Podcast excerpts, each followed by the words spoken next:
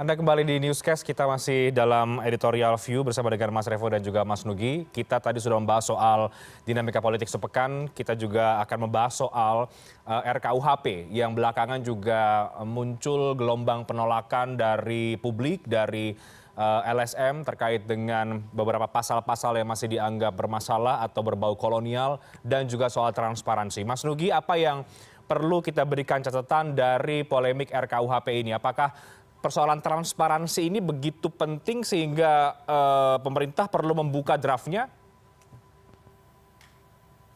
Ya, saya kira yang penting, salah satu hal yang penting adalah keterbukaan informasi terkait dengan draft RKUHP ini ya.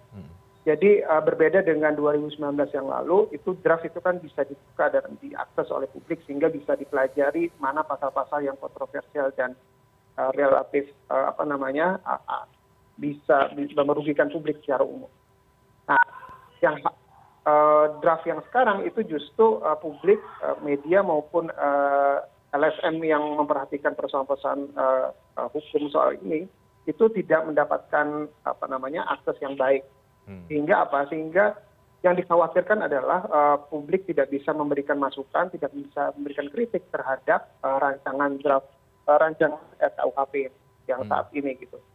Nah jadi jadi persoalannya adalah ketika publik tidak mengetahui informasi yang sama dengan apa yang bisa dimiliki oleh pemerintah dan DPR, misalnya itu apa namanya kita tidak bisa memberikan informasi, tidak bisa memberikan kritik ataupun masukan yang tepat pula pada pemerintah dan DPR.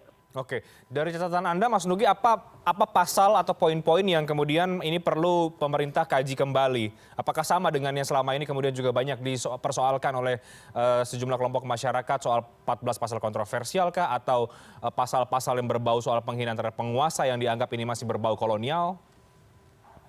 Ya, beberapa pasal yang terkait dengan apa namanya ketidak apa namanya menghalangi orang untuk berpendapat atau memberikan kritik terhadap penguasa itu menjadi yang krusial.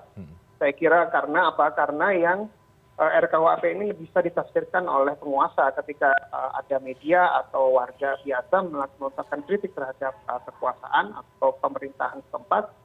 Pasal ini dikhawatirkan bisa mengancam kebebasan orang untuk berpendapat atau menyuarakan kritik jadi hal hal yang seperti inilah yang saya kira perlu diperhatikan oleh publik ketika draftnya belum dibuka secara umum itu yang itu yang perlu diperhatikan bahwa apa namanya publik harus bisa memberikan masukan yang tepat dengan dengan dapat mendapatkan akses terlebih dahulu. Nah pasal-pasal yang kemungkinan 2019 itu kaitannya sama penghinaan terhadap penguasa itu kan dianggap salah satunya pasar kolonial ya karena karena apa namanya waktu zaman Belanda itu katanya itu diterapkan pada pribumi pada saat itu. Nah, tapi yang jadi pertanyaan kenapa pasal-pasal yang ini justru bisa tetap dihidupkan oleh draft yang sekarang itu yang jadi pertanyaan. Oke, oke. Jadi ada dua isu penting. Pertama adalah soal keterbukaan transparansi, kemudian adalah pasal-pasal yang dianggap ini masih bertentangan ya dengan dengan semangat pembaruan dari RKUHP. Mas Revo, apa yang menjadi catatan dari polemik RKUHP ini? Kalau kita melihat argumentasi pemerintah lewat Wamenkumham, ini menyebut bahwa dalam putusan MK tidak menolak soal pasal penghinaan presiden ini. Nah ini yang memang salah satu pasal ya dari ada 13 poin pak poin yang oleh masyarakat sipil ya. Pasal salah satu pasalnya ya penghinaan terhadap pemerintah atau penguasa. Nah ini memang satu pasal yang kalau istilahnya pasal karet ya karena penafsirannya kan menjadi beda. Kalau mana kita bisa, mana kritik misalnya itu dianggap penghinaan atau kritik itu justru dianggap sebagai hal masukan yang membangun. Ini kan tafsiran-tafsiran yang menjadi rumit, ya ini ini yang yang yang salah satu yang yang kita selama ini diprotes itu. Tapi juga hal yang tidak kalah penting adalah RKUHP ini undang-undang ini kan nantinya akan mengikat masyarakat Indonesia ya 200 juta masyarakat Indonesia. Nantinya akan hidupnya itu akan terikat oleh regulasi ini. Kalau misalkan dalam pembahasan pembahasan di awal itu tidak dibuka kepada publik.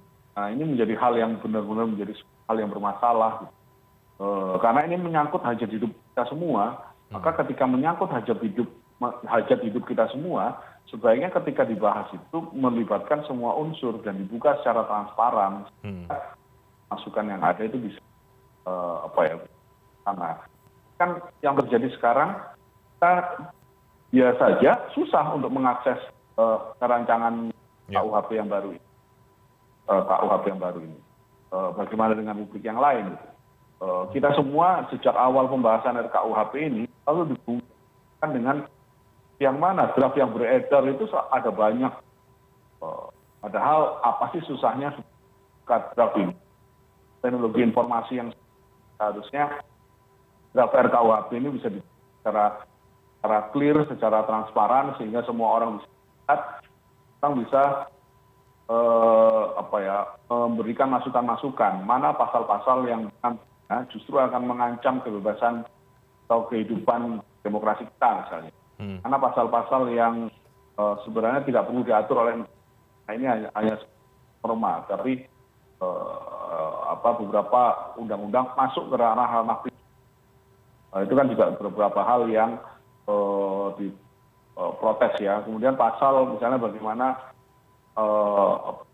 kita pertontonkan kontrasepsi itu merupakan hal yang bisa dianggap bermasalah. Padahal kontrasepsi misalnya dan sebagainya, sebagainya itu selama ini kan akan kita masuk ke minimarket gitu ya, ke toko-toko itu juga bisa dilihat secara jelas gitu dan dan bagi instansi-instansi atau lembaga-lembaga yang yang apa concern terhadap isu keluarga berencana tentu ini juga menjadi hal yang yang mungkin menjadi kritik bagi undang-undang baru ini rancangan undang-undang ini.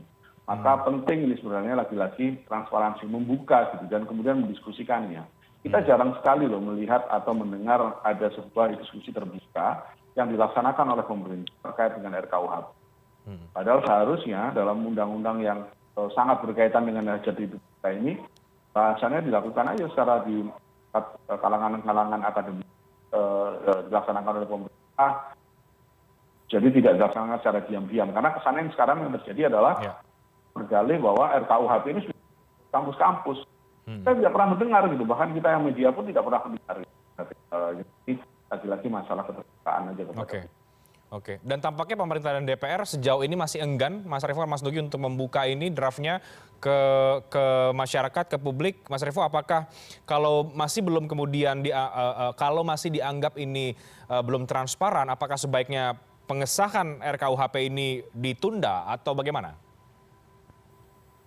Iya, seperti undang-undang lain, kalau memang undang-undang ini uh, proses transparansi sejak awal atau pelibatan publiknya ini bermasalah, maka ada apa uh, hal prinsipil secara administratif yang kemudian diterabas. Kan kita juga tidak ingin bahwa ketika sebuah undang-undang itu disahkan, kemudian uh, publik memang memiliki hak untuk judicial review, tapi kita kan memiliki catatan apa pelajaran penting juga dalam penyusunan undang-undang ciptaker misalnya.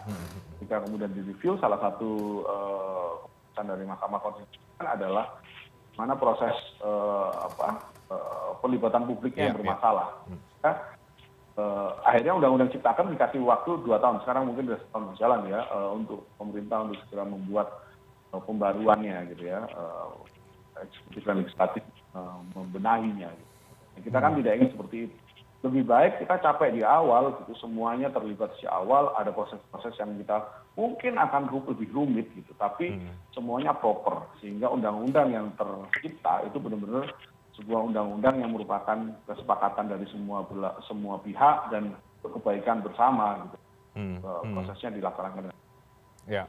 Kalau bagi DPR ini uh, disebut uh, masterpiece-nya mereka begitu ya, Mas Nugi. Tapi bagi sebagian publik ini justru uh, meaningful participation karena tanpa partisipasi bermakna dari masyarakat. Apa yang perlu ditambahkan dan memberikan catatan bagi uh, DPR, bagi pemerintah, Mas Nugi dalam polemik RKUHP ini karena penolakan ini akan terus berlangsung tampaknya uh, mahasiswa akan akan melakukan demonstrasi lagi kalau kemudian ini belum juga dibuka ke masyarakat.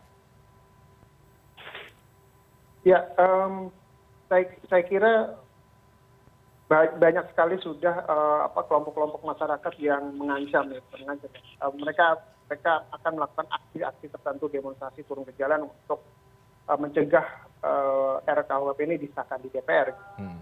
Artinya apa? Artinya eh, proses-proses yang dilakukan selama ini dikhawatirkan hanya menjadi semacam prosedur semata oleh Ya. pemerintah maupun DPR dengan melibatkan eh, pihak-pihak tertentu, tapi sebenarnya mereka sudah punya punya apa namanya sudah punya kerangka tersendiri gitu untuk Hmm. untuk eh, mengesahkan eh, RKUHP ini.